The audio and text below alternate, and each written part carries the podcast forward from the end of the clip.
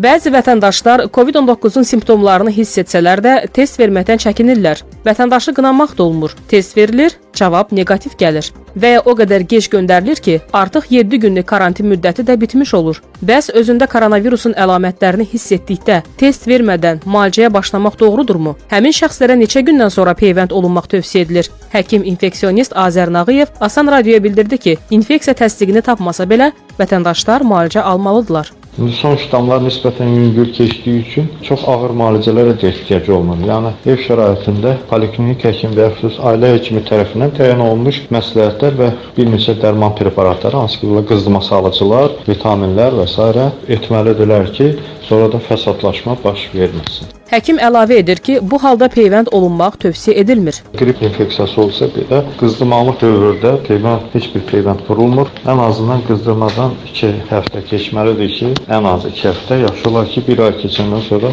peyvənd olunsun.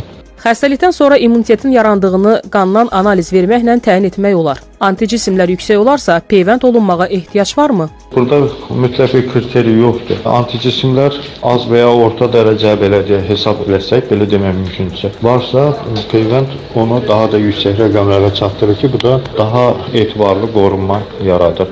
Ona görə anticismlərin olması peyvəndi əks göstəriş deyil, vurmaq olar. Bəzi şəxslər COVID-19-a yoluxmasına baxmayaraq portala düşə bilmir. Səbəb ya test verməməsi, ya da testin neqativ cavabını almasıdır. Təbii ki, həmin vətəndaşlar immunitet sertifikatı ala bilmədiyindən bəzi imtiyazlardan məhrum olurlar. Bəs həmin şəxslərdən anticismi yüksək olanlar COVID pasportuna sahib olanlarla eyni üstünlüyə malik ola bilərlərmi? Belə hesab edirəm ki, portala hər hansı bir səbəbdən düşməyibsə, bu COVID pasportu olan insandan eyni imtiyaza sahib ola bilməz.